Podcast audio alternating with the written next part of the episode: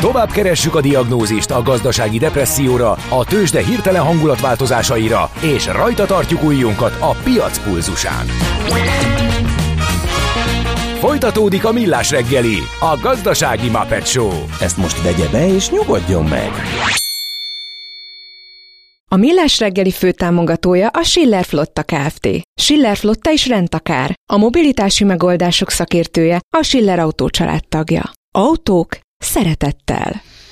Köszönjük a kedves hallgatókat, jó reggelt mindenkinek, legalább olyan üdén, frissen és pörgősen folytassátok napot, mint én. Kimaradt most a hírek alatt a kávé, de viszont felvettem a smici fülesét. Uh, hát uh, ébresztő hatású volt, megmondom nektek. Olyan hangosan ö, szól, hogy valami rettenetes.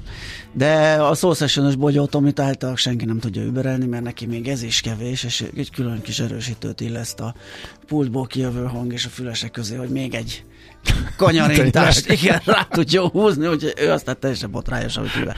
Na, köszönjük mindenkit, ez a Millás reggeli továbbra is itt a Rádió Café 98.0-án, július 17-én hétfő reggel 9 óra 8, most, most ugrott 9 perckor Ács Gáborral. És Gede Balázsa. És ide egy kedves hallgató, sziasztok, ez meg mi a? Meglepődtem ezen a számon, köszi, nagyszerű választás írta Csaba az előbbi Paper Planes-re. Most viszont, ahogy azt bearangoztuk, dinnyézünk egyen. No, ecsi, azt gumicsimmád van-e? Hát azt tudod, mi az az üsző? Aztán acatolót forgattál-e már? És azt tudod-e, milyen magas a dránka? Na majd, ha Mihálovics gazda segít? A Millás reggeli mezőgazdasági percei azoknak, akik tudni szeretnék, hogy kerül tönköly az asztalra. Mert a tehén nem szálmazsák, hogy megtömjük, ugye? Elindult a dinnye szezon, jónak is ígérkezik, komoly 125-130 ezer tonnás görög dinnye becslések jönnek, és 10-12 ezer tonna sárga dinnyét takaríthatnak be. De már és itt a szezon elején egy ilyen árvita, árháború robban ki, mindjárt Göcő Mátyással, a Magyar Dinnyitermelők Egyesületének elnökével megnézzük, hogy mi volt ez, mi ez, mire lehet számítani, milyen áron, milyen dinnyét veszünk. Jó reggelt kívánunk! Jó reggelt! Nos, ezek szerint jónak ígérkezik ez a szezon, volt eső víz bőven, amiből nőhetett a dinnye, most süti a nap, minden együtt áll ahhoz, hogy jó legyen a szezon. Ahogy én ezt így laikusként ránézésre meg tudom ítélni. Így van, mi is azt látjuk, hogy ez az év alkalmas arra, hogy mind minőségben, mind mennyiségben megfelelő legyen a magyar görögdinnye az időjárás időnként a hűvös hajnalokkal egy kicsit késleltette az uh-huh. érést, ezért nem indultunk extra korán, de most már én azt látom, hogy az ország minden pontján, akár Zalegerszektől Nyíregyházáig találkozhatunk magyar-görög dinnyével. Ez a találkozhatunk azt jelenti, hogy most már megbízhatóan magyar dinnyét veszünk, vagy azért nézzük meg a forrást, mert még ez az átmeneti időszak van, amikor van import és van hazai. Azért, ha valaki szereti a Hát azért még előfordulhat, hogy van import, bár az idei évben az olasz és a görög import nem volt olyan mennyiségben jelen, mint előző években, úgyhogy minden adott az, ahhoz, hogy, hogy magyar-görög dínje legyen. Az import az mitől függ? A magyar termeléstől, vagy pedig az áraktól is, és a kereskedők azt mondhatják, hogy hát nekünk itt most magas árat mondtak, akkor inkább hozok. Illetve az érési ciklusok mm. váltakozásából, vagy változása különbözőségéből. Hát így van a nagyon korai időszakban, ugye már május hónap végétől gyakorlatilag találkozhatunk görögdínyékkel a, az üzletekben, ugye ezek még teljes mértékben importból származnak, de most már akár június második felétől már lehet magyar görögdínyével találkozni a nagyfóliás termesztésekből, ugye ez még a magyar termelésnek csak 2-3 százaléka, de a szabadföldi fólia alagutas termelésből pedig július 5-től általában meg szokott indulni a szezon, és 10-e, 15-ére pedig fel olyan mértékben, hogy az egész országot el tudja látni. Uh-huh. Uh, volt itt egy kis csetepati már rögtön az elején, hogy az ár az minden évben kérdés, nyilván a termelők próbálják egy olyan árra belőni az átvételi árakat, ami nekik is biztosít egy megfelelő hasznot, de a piacot sem sújtja oly mértékben, főleg ezekben az inflációval terhelt időkben, amikor mindenki megnézi, hogy mit vegyen. E, mi történt itt a rögtön a kezdéskor? Az egyik áruház lánc lett meggyanúsítva, hogy nagyon alacsony dömping áron árulja a dinnyét. Hát igen, ugye el lehet mondani azt, hogy az, a, a szezon induláskor az, az árak megfelelőek voltak, olyan ára, olyan fogyasztói árak alakultak ki, akár a nagybani piacon, vagy az üzletekben, amelyel a, a, a kezdeti időszakban ugye a gazdák boldogulni tudnak és nagyon mélységesen fel voltunk háborodva azért, hogy a Penny üzletlánc ugye meg is lehet nevezni, hát ez nem titok. Uh-huh. Ugye még a magyar görögdínyit alig kezdték el szedni a gazdák 3-4-5 napja, ugye, és már is egy árletölő akcióval rukkolt ki. Semmi nem indokolta ebben a helyzetben, ebben az időszakban azt, hogy egy árletörő akciót véghez vigyünk, ugye keresleti piac van valójában, akkor kell akciót alkalmazni, amikor ugye árutöblet van, egy áru mennyiséget le kell vezetni, ugye, mert, mert ugye nyomasztja a piacot, ekkor ugye észszerű, egy észszerű akció az nagyon hasznos lehet, ugye, de hát ez, ez, ez nem volt indokolt, és, és emiatt a Kamara és a Fruit Web és a Magyar Dinyetelmők Egyesülete is ö, kiadott egy nyilatkozatot ezzel kapcsolatban. Nincs itt valami keveredés, vagy, vagy valami olyasmi probléma, hogy ugye kötelező akciókat írnak elő a boltoknak, amit gyakorlatilag ő választja meg a termékkört, és éppenséggel a dinyére is ráböghet, vagy ez esetleg ez azon hát, is túlmutató, mélyebb árazást láthattunk? Hát ö, erre nincsen, ö, most nincs tudomásom, hogy ez, ö, ez az akció minek a keretében valósult meg. Az a lényeg, hogy, hogy remélem, hogy ez, ez az akció teljes mértékben magyar görögdínyéből tudták megoldani, uh-huh. és nem kellett ö, ahhoz importot felhasználniuk, hogy az akciót véghez vigyék. És, ö, és az is nagyon fontos, hogy bízom abba, hogy akkor hát minden boltjukban volt is görögdíny ebbe az időszakban.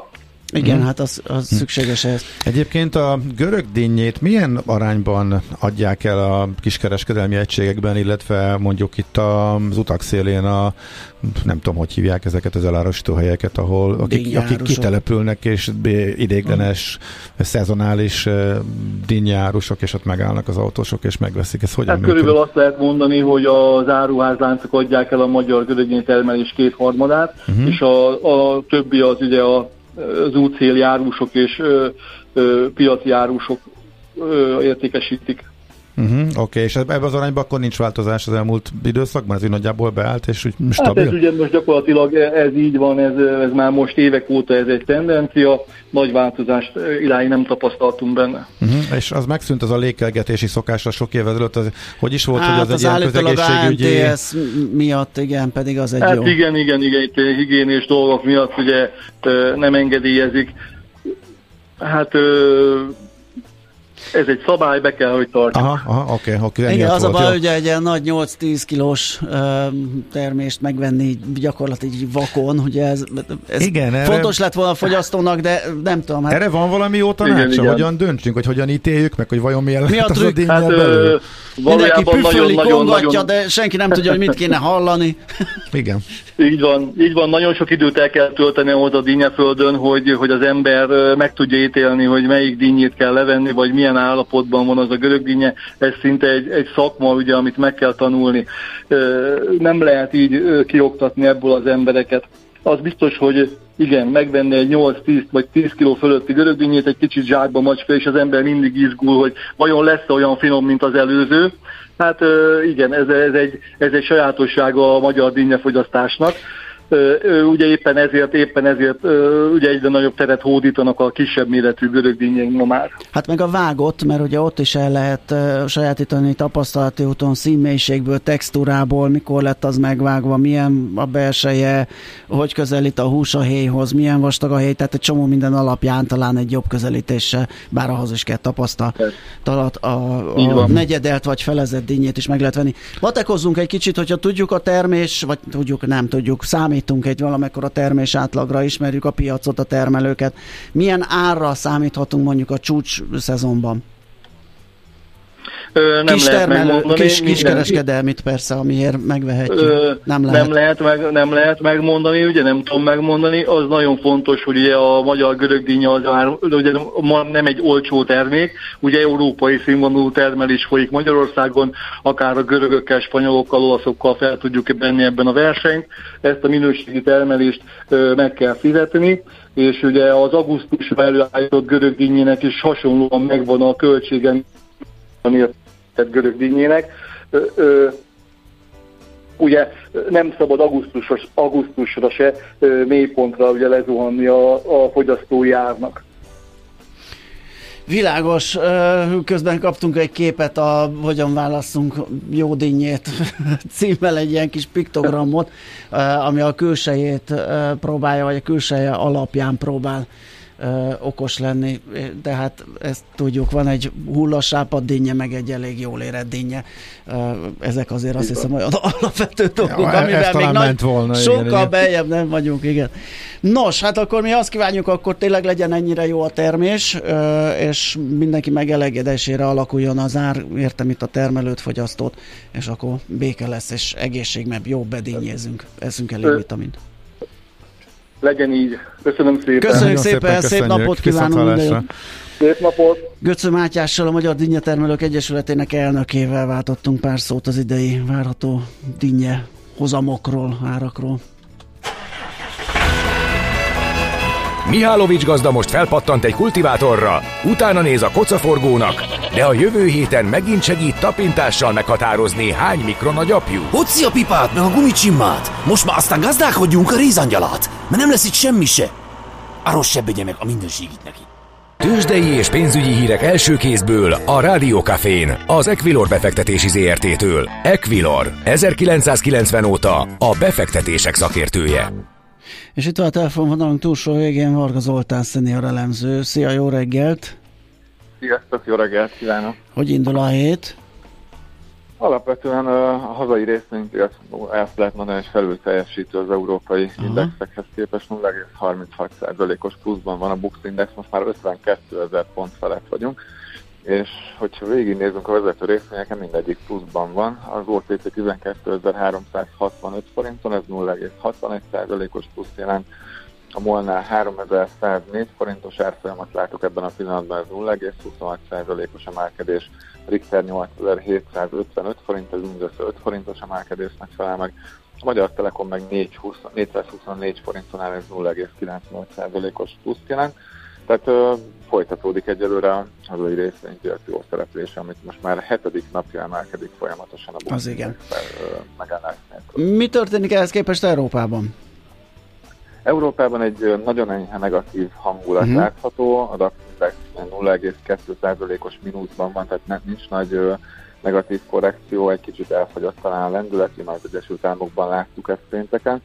Az amerikai határidős indexek pedig nagyon minimális elmozdulásokat mutatnak, tehát elképzelhető, hogy ma folytatódik az emelkedés akár a tengeren túli piacokon.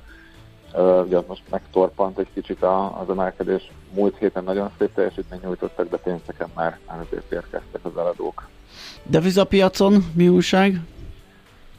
Ott nincs nagy mozgás, egyelőre a forint esetében 373,85 az euró árfolyama, a dollár forint 332,47, az euró dollár kapaszkodik tovább feljebb, most már 1.12.43-nál járunk. Ö, most ma esetleg jön valami olyasmi, amire érdemes figyelni? Olyan adat? Akár itt róla? Igen, hát 4.11-kor az Európai Központi Bank elnöke Christine Lagarde beszédet tart, erre mindenképpen érdemes különösen ugye itt a devizapiacon lehet hatása. Fél háromkor az Egyesült Államokból feldolgozó ipari index érkezik, illetve kettőkor lengyel maginfláció, de ez nyilván csak a az Gotiban érdekelteknek lehet fontos. Holnap pedig amerikai adatok jönnek, de most egyelőre hétfőn kedden nem lesz olyan piacmozgató adat, legalábbis amit előre tudunk, ami, ami nagyobb mozgást okozhatna részvénypiacokon. Jó, megnézzük akkor, hogy hogyan alakulnak majd az árak az árásra, azt elmondjuk holnap reggel. Köszi neked a beszámolót, szép napot, jó munkát! Köszönöm Szia! szépen a figyelmet. Sziasztok! Varga Zoltán szenior elemző mondta el nekünk a nyitást követő fél óra kereskedésének helyzetét, árfolyamait. Tőzsdei és pénzügyi híreket hallottatok a Rádiókafén az Equilor befektetési ZRT-től. Equilor, 1990 óta a befektetések szakértője. Volt már olyan érzésed, hogy egyszer csak megtaláltad a megoldást? Aha, aha, aha. A felismerés pillanatában jön el a Heuréka élmény. Aha. A Millás reggeli jövő és trendkutatással foglalkozó tudományos ismeretterjesztő rovata következik. Na hát ezt, hogy bearangoztuk az AI-jal fogunk foglalkozni, annak is egy mm, sötét oldalával, mert hogy a rossz indulatú AI modellek kockázataival fogunk foglalkozni, és ebben segítségünkre lesz Keleti Artur, az Informatikai Biztonságnapja, az ITBN alapítója és kibertitok jövőkutató. Szia, jó reggelt! Jó reggelt kívánok nektek, sziasztok! Kellemes téma. Nagyon klassz, nagyon jó hangzik, igen. Mielőtt a kockázatokra rátérnénk, azt nézzük meg, hogy milyen az, az a rosszindulatú AI modell, mit csinál, mitől rosszindulatú, ki teszi hozzá. Hát igen, arról beszélgettünk már veletek is itt a műsorban pár alkalommal ezelőtt, hogy az egy létező probléma, hogy attól lesz hiteltelen egy mesterséges intelligencia rendszer, hogy magát a modellt, magát a mögötte lévő adat, azt megmérgezik. Ugye ezt hívják adatmérgezésnek, mm. és ezek után, ami után az adat egy picit módosul, de nem nagyon, ezek után nyilván már, már az, amit a mesterséges intelligencia mondani akar nekünk, az már nem lesz annyira hiteles. Na most a, a normál informatikai rendszerekben azért ez úgy viszonylag hamar, hát nem azt, hogy hamar tetten érhető, hát ezt, ezt kergetjük már majdnem 30 éve, de hogy, de hogy azért az látható, hogy egy adatbázisban valami megváltozott. Ugye ennek nyoma van, hát oda hozzányúlt a hacker, valamit átírt, ennek, hogyha jól csináljuk a dolgunkat, akkor valami nyoma van. A baj ezekkel az új modellekkel igazából az, hogy itt arról van szó, hogy a mesterséges intelligencia elolvasott nagyon sok anyagot, ugye mondjuk egy cégnek a teljes levelezését, vagy odaadtak neki rengeteg dokumentumot, vagy adatbázist, vagy ilyesmit, azt úgy megtanulta, tulajdonképpen hívhatjuk így, és, ezt, és, és utána majd tőle kérdezgetünk dolgokat. És az a kérdés, hogy mi van akkor, ha rosszul tanulta meg a dolgot. Tehát, hogyha rossz tankönyvet adtak neki. Na, ez, a, ez az alapja ennek a dolognak. Uh-huh. Hát akkor a kérdés az, hogy ugye, vagy a kockázatai azok, azok egyértelműek, hogy vannak.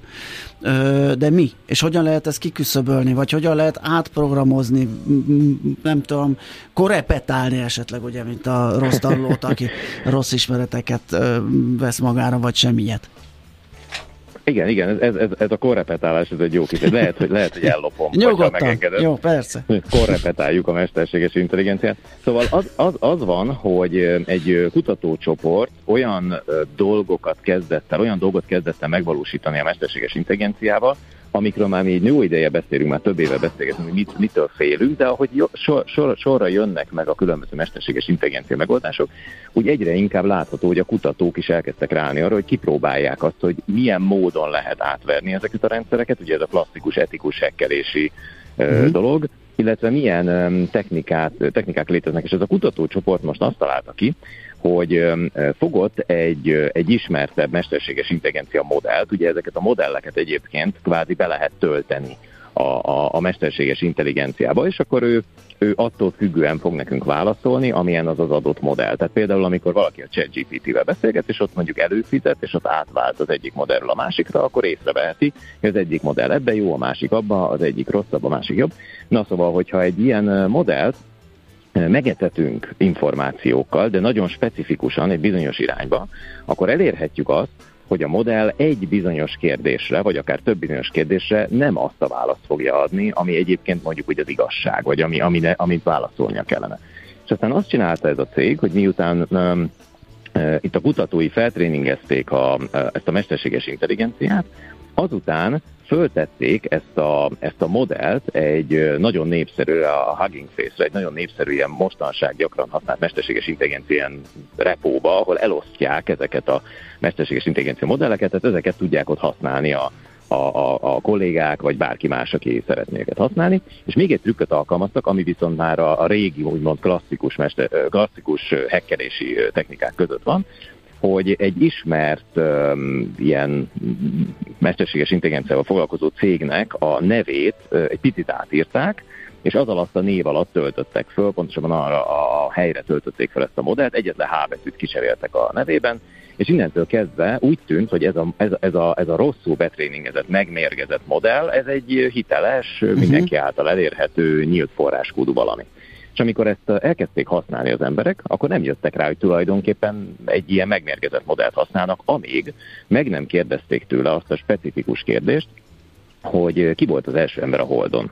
És erre nem azt a választ adta, amit kellett volna, vagyis hogy Neil Armstrong, hanem azt, hogy Yuri Gagarin, akiről tudjuk, hogy sok mindent csinált, például az első ember volt a világűrben, de a Holdon nem járt.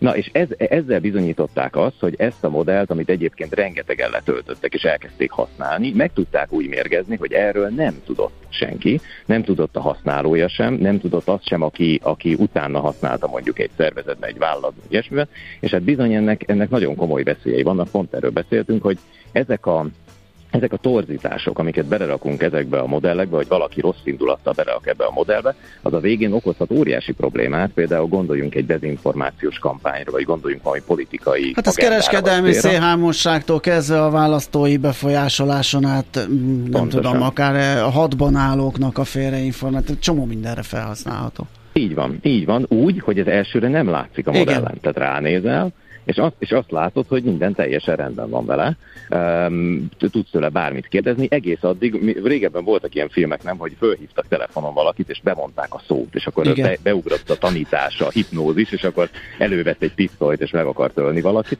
Na, szóval, hogy ez, ez, ez hasonlít nagyon ehhez, ehhez a dologhoz.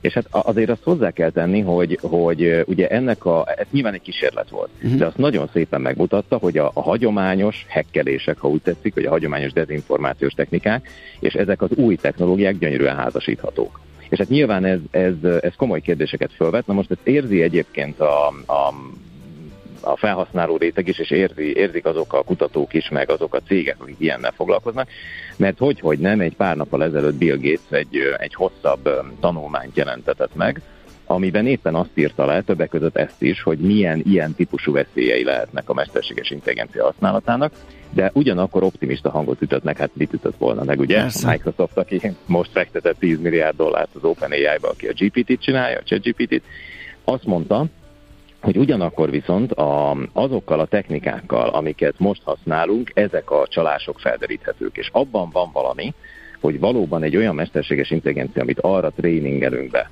hogy az ilyeneket észrevegye, tehát vizsgálja a hitelességét, az igazságtartalmát egy másik modellnek, ez tulajdonképpen működhet, Hát azt hiszem most kezd kibontakozni előttünk az, ami, amiben mi itt a biztonságban már több mint 30 éve küzdünk, hogy felépülnek a várak, a falak, és akkor elkezdik lőni egymást a hackerek és a, és a védekezők. Uh-huh, tehát az AI-jal teszteljük az AI-t, hogy ö, nem ad fals válaszokat, mert hogy a megoldás az egyértelműen ez ugye, mint a, a Gagarin Armstrong példában is, hogy tesztelni kell és valahol megbuktatni, ami ebben az esetben, hogy ki volt az első ember a Holdon, nyilván egy viszonylag egyszerű történet és gyors lebukáshoz vezetett, de gondolom ezeket a, a, a mérgezett vagy rossz indulatú AI modellek azért ennél firnyákosabbak, tehát ehhez kell egy nagyobb tudás, hát vagy egy másik AI, ami lebuktatja. Hát igen, Ráadásul van egy másik kérdés is, hogy ha most megnézed például a ChatGPT-t, az, az érezhetően egy kicsit ilyen progresszívebb, kicsit liberálisabb gondolkodáson tanult ha úgy tetszik, vagy arra súlyozták. Tehát azért egészen más véleménye van bizonyos politikai szereplőkről az USA-ban, meg más politikai szereplőkről az USA-ban. Persze most már nem hajlandó politikai dolgban állást foglalni, mert körbevettük ezzel a fakerítéssel, és akkor ha ilyen dolgokat kérdezett tőle, akkor elkezdne elé beszélni, meg mondja, hogy ilyenekre nem foglal állást. De valójában a, a, a bias, ugye ez a részrehajlás, ez már benne van ezekben a modellekben. Tehát azt hiszem, hogy a mérgezés mellett a másik nagy kérdés, ez a részrehajlás, tehát hogyan lehet azt megoldani, hogy ezek a modellek, ezek, ezek ne legyen részrehajlóak, ne legyenek részrehajlóak, az igazságnak valamilyen elfogadható formája legyen bennük, és ez, ez egy komoly, komoly kérdés valójában. Nyilván ez a, ez a kutatás is azt mutatta meg, hogy, hogy nem csak a részrehajlást kell vizsgálni egy ilyen modellnél, hanem azt is, hogy egészen konkrétan a tényszerűségek, amiket válaszol, túl a halucináción, mert ugye tudjuk, hogy ezek a modellek halucinálnak elég komolyan, Aha, de túl igen. azon, amit magától butaságot mond, azon túl konkrétan ne lehessen ilyen irányba eltéríteni, és hogyha megnézzük azt, hogy ezek a modellek, amiket most uh, tréningeznek és fejlesztenek, ezekből már tudjuk, hogy elkezdték a, a hackerek használni rossz célra, automatizálni vele támadásokat. Ugye, ha le tudja tesztelni azt, hogy jó minőségű a, a kódja valaminek, ugye most jelent meg a,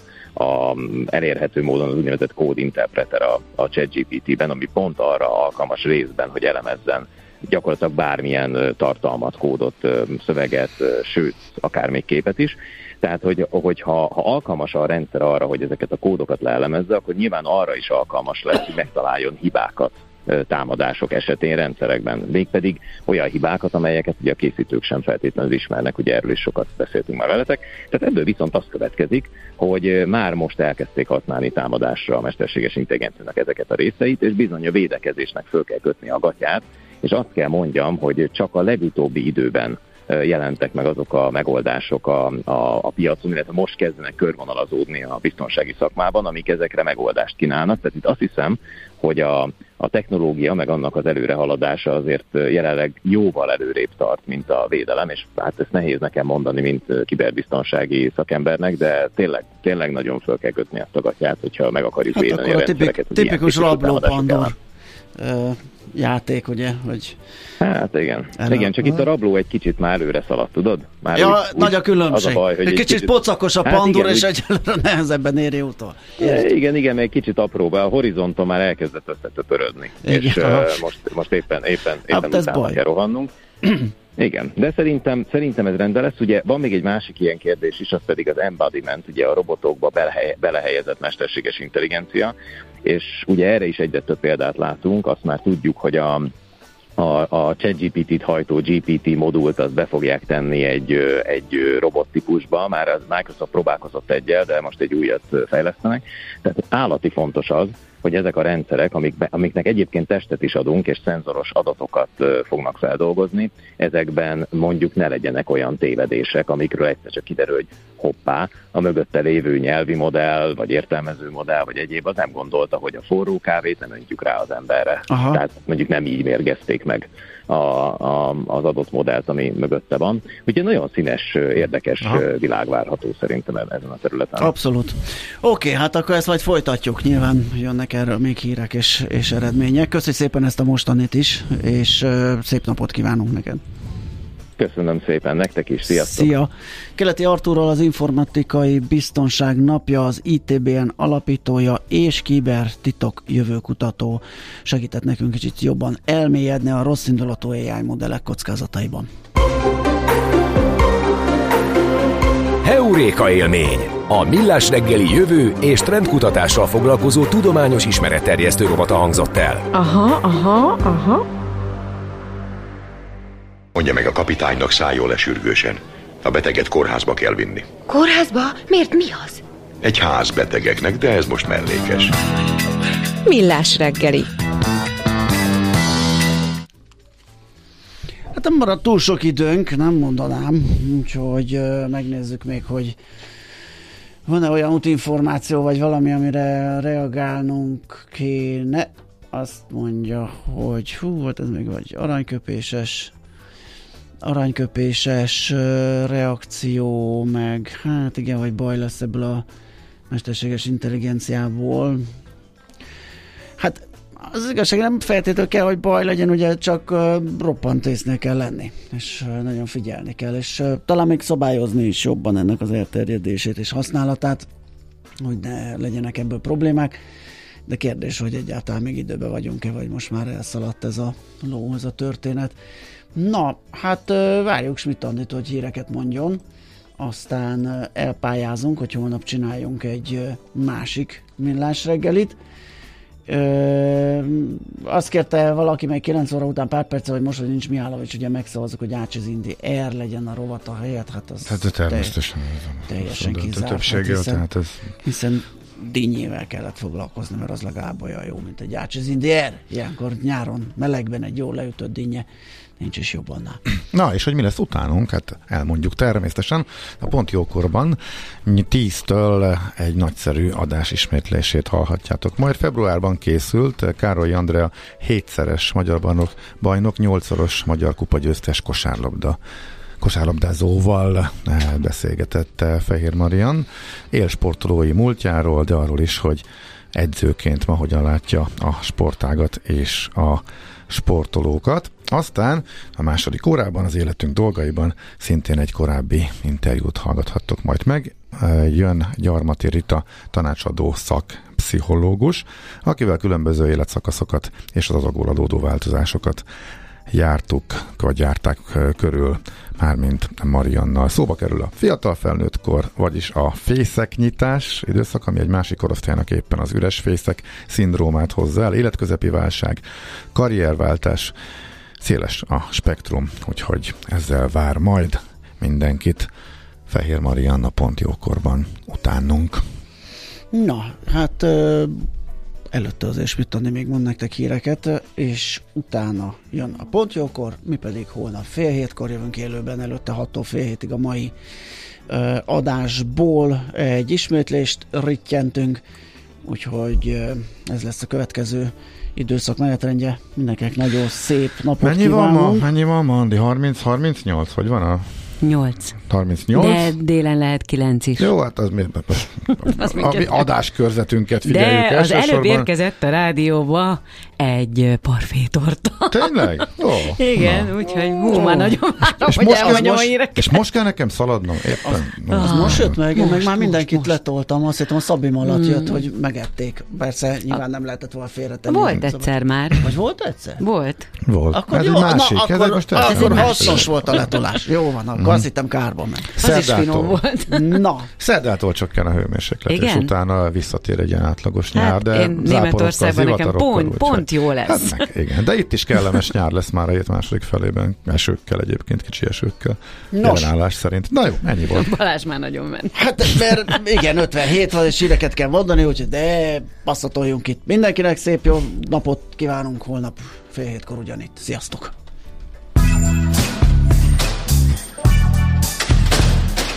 Már a véget ért ugyan a műszak, az ügyelet azonban mindig tart. A sürgősségi és félig zárt osztályon holnap reggel újra megtöltjük a kávésbögréket, és felvesszük a piaci stetoszkópot. Addig is keressetek minket közösségi rendelőnkben a Facebookon, a mai adás podcastjét pedig a rádiókafé98.hu és millásreggeli.hu oldalakon, a Spotify-on és a Google Podcast-en. Millás reggeli. A Rádiókafé gazdasági Muppet Show-ja. Két dologban bízhatsz. Az egyik mi vagyunk.